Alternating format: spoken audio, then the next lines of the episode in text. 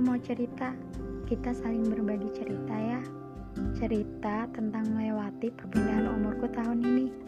Kali ini berbeda, sangat berbeda. Selain karena pandemi, tapi kali ini membuatku lebih jauh berpikir, lebih jauh merenung.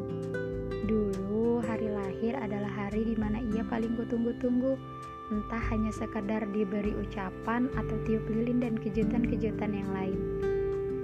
Tapi kali ini berbeda. Aku lewati ia bersama renungan dan tangis di bawah malam. Membiarkan kepala terus saja diisi tanya dan diskusi hebat tentang diri ini bagaimana dan sudah sampai sejauh mana. Kalian pernah juga merasa seperti ini? Iya, ini hal pertama kali dalam sepanjang aku mengulang tanggal. Ternyata tak berlebih yang ku mau. Aku hanya sangat bersyukur atas nikmat hidup yang Tuhan beri. Nikmat sehat dan bahagia sejauh ini hidup di bumi. Meski tanya yang memenuhi isi kepala masih saja belum dapat untuk kujawab sendiri. Tentang apa saja hal baik yang sudah kulakukan, akan seperti apa aku nanti dan bagaimana aku melewatinya nanti. Tapi yang ku tahu pasti merubah hal yang buruk menjadi baik dan hal baik terus menjadi semakin baik harus kulakukan. Setidaknya mencoba itu perlu kan?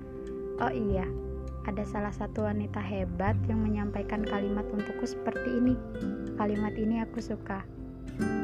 Kalau kamu bertambah usiamu, bukan berarti kamu tahu segalanya dan menganggap diri kamu lebih hebat dari orang lain.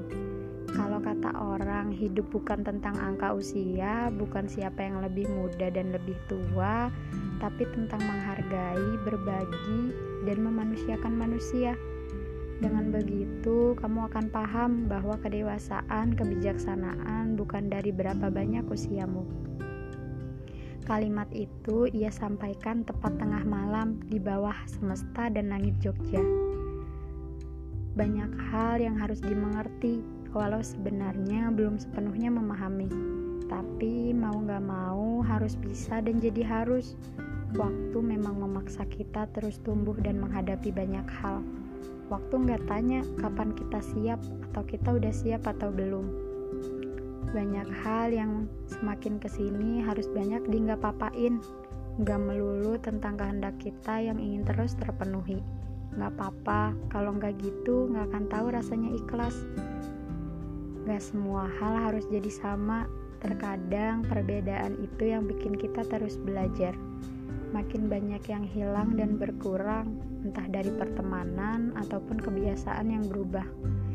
Tapi mau gak mau, kita harus tetap menerimanya, kan? Kita harus bisa lebih percaya diri bahwa kita mampu, kamu mampu untuk mencapai titik tujuh.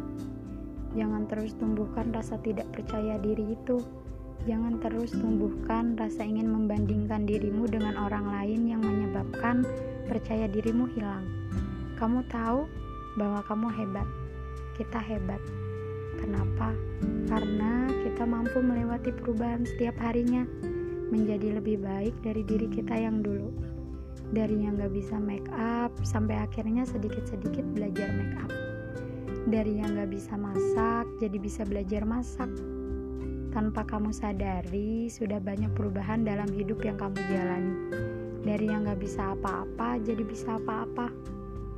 Yuk, sama-sama mencoba untuk berhenti berpikir dan selalu merasa diri ini gak bisa apa-apa. Selalu merasa diri ini gak seperti yang lain.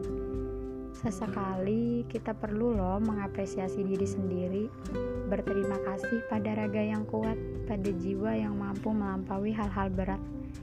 Buat kalian yang udah berani mencoba banyak hal, mencoba segala usaha yang kalian bisa, aku mau kalian yang lagi denger podcast ini untuk berterima kasih pada diri kalian sendiri. Karena hebat dalam melewati segala hal sulit dalam hidup, menjadi kuat dalam luka, menjadi tegar dalam rasa duka. Kita semua hebat dalam sebuah cerita